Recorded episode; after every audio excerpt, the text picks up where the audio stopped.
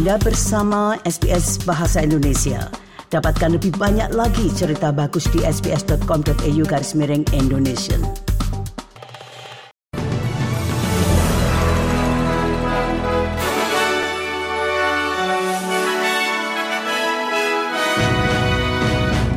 Berita terkini SBS Audio Program Bahasa Indonesia untuk hari Jumat 15 Desember 2023.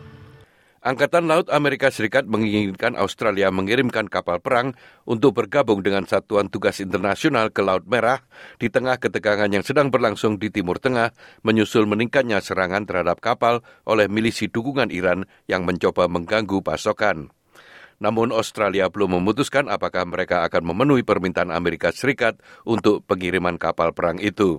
Pejabat pemimpin oposisi Susan Lee dalam acara TV Sunrise menanyakan jawaban dari pemerintah Partai Buruh mengenai alasan tidak menerima permintaan tersebut.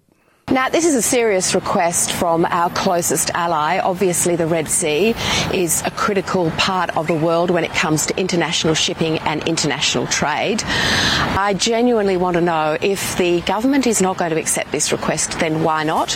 We've just seen the US Congress pass critical com- components of AUKUS, and that underscores the really important geostrategic relationship between ourselves and the US at this critical time. So, we should support our closest ally. We should genuinely consider their request. If we're not going to do that, then I want to know why. Menteri Perubahan Iklim Australia Chris Bowen memuji hasil KTT COP28 di Dubai sebagai kemajuan yang signifikan. Keputusan terakhir menyerukan transisi dari bahan bakar fosil ke dalam sistem energi dengan cara yang adil, teratur, dan merata sehingga dapat mencapai net zero pada tahun 2050 sesuai dengan seruan ilmiah. Bowen mengatakan pada pertemuan puncak tersebut bahwa hal ini akan menandai berakhirnya era bahan bakar fosil. The outcome does not go as far as many of us asked for, starting with some of the most vulnerable countries, but the message it sends is clear that all nations of the world have acknowledged the reality that our future is in clean energy and the age of fossil fuels will end. Uni Eropa telah memutuskan untuk membuka perundingan tentang keanggotaan dengan Ukraina dan Moldova. Keputusan itu diumumkan pada pertemuan puncak yang mempertemukan para pemimpin 27 negara Uni Eropa.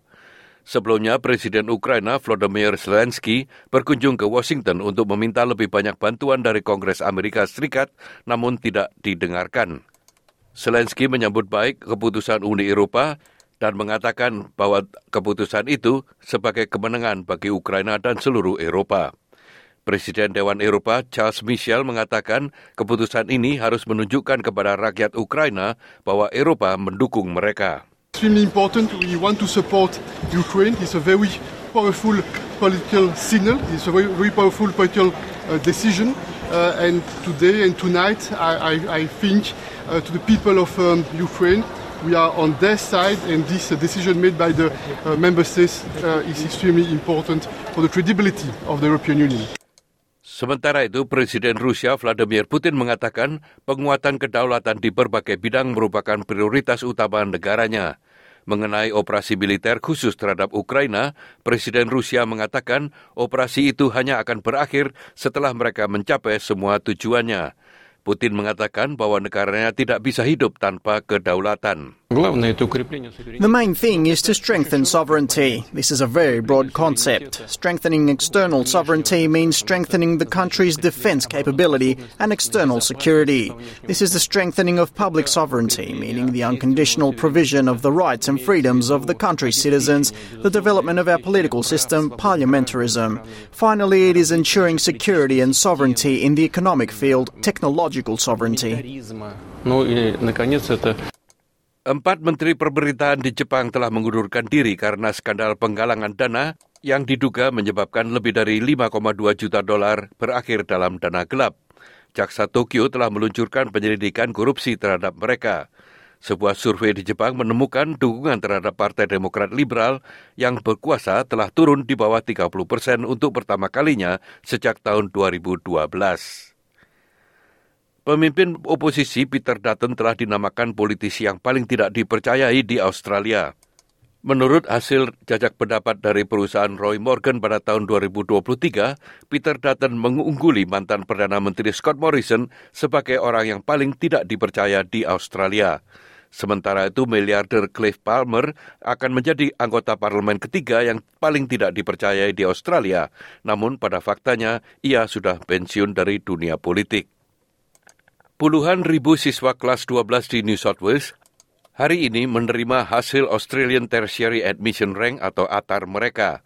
69 ribu siswa di seluruh New South Wales telah menyelesaikan HSC mereka dengan 55.523 memenuhi syarat untuk mendapatkan ATAR.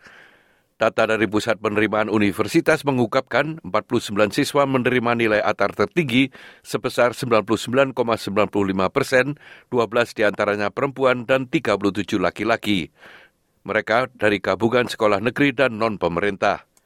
Premier New South Wales Chris Minns mendesak mereka yang tidak mendapatkan hasil yang mereka inginkan untuk tidak berkecil hati dan ia mengatakan bahwa masih banyak jalur karir yang bisa ditempuh. So for the students that are happy with their ATAR result, with their HSC marks, congratulations on an outstanding result. For those that are unhappy or didn't live up to the expectations that they set themselves, can I just say in an unambiguous way that the world is your oyster. There are so many ways to achieve what you want in life. And I think anyone here who is our current age, I'm not going to disclose my own, would swap in a heartbeat for a student in Australia in 2023 who was 18 or 19 because there are so many opportunities. Sekian berita SBS Audio program Bahasa Indonesia yang disampaikan oleh Riki Kusumo.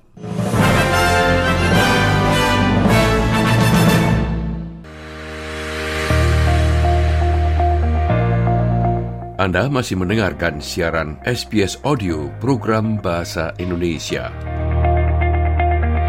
Jika Anda ingin menghubungi kami, silahkan menelpon kantor kami di Sydney pada nomor 02 9430 3135 atau kantor kami di Melbourne dengan nomor 03 9949 2208. Anda juga dapat menghubungi kami melalui email pada alamat indonesian.program at sbs.com.au.